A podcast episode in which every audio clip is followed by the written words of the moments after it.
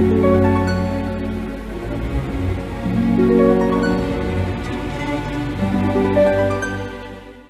Libra, saya dengan Madam Aza. Kita bacakan sekarang kartu tarotnya. Yang pertama untuk karir, bisnis, peruntungan Libra. Kartu yang keluar pertama untuk karir adalah The Hangman. Kartu The Hangman ini menunjukkan masa-masa di mana seseorang ibaratnya digantung terbalik. Agak susah untuk bergerak ya, mau maju susah, mau mundur susah. Jadi masa-masa yang terbaik untuk menyusun strategi dan mereview langkah sejauh ini. Karena kalau dipaksakan untuk kita ngegas dari sekarang gitu ya, untuk maksain bergerak sekarang, ini ibaratnya tidak akan mendapatkan hasil yang sepadan. Jadi sebaiknya disarankan untuk menata ulang strategi atau berpikir ulang tentang apa yang hendak dilakukan gitu. Istirahat ataupun berhenti sebentar bukanlah hal yang buruk kok. Lebih baik seperti itu dibanding kita jalan tapi kita lost gitu dan nggak tahu mau ngapain, hanya buang-buang energi saja.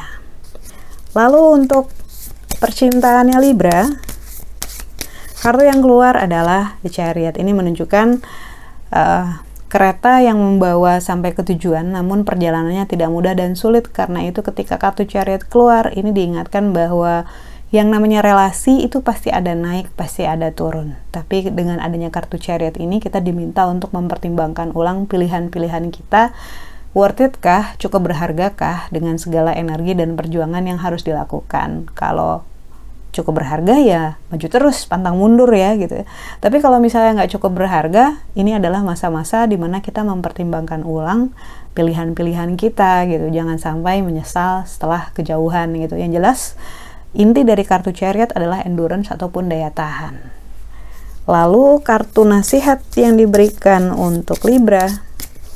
Kartu yang keluar adalah The Hermit seorang pertapa. Jadi dibilang bahwa ini kayaknya memang sebuah fase yang banyak bikin mikir, yang diminta untuk mempertimbangkan kembali pilihan ataupun jalan yang hendak diambil. Dan paling utama adalah untuk tanda kutip kembali ke diri sendiri gitu ya kembali ke diri sendiri itu kesannya kayak klise banget ya ungkapannya. Tapi intinya ini sebenarnya gini yang paling penting dunia ini kamu.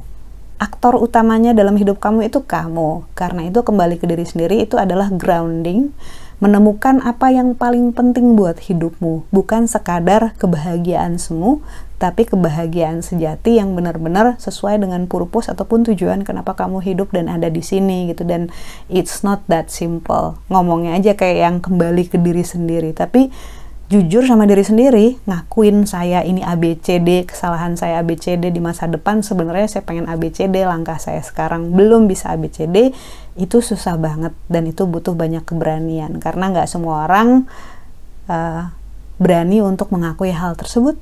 Gitu. Kebanyakan orang hidup dalam denial. Sekian bacaannya, semoga bermanfaat. Kita doakan yang terbaik saja untukmu. Semoga sehat selalu, panjang umur, kaya raya, bahagia, berkelimpahan segala hal yang baik dari Tuhan Yang Maha Esa. Terima kasih bantu saya dengan cara di klik like-nya, subscribe, share, dan juga komen.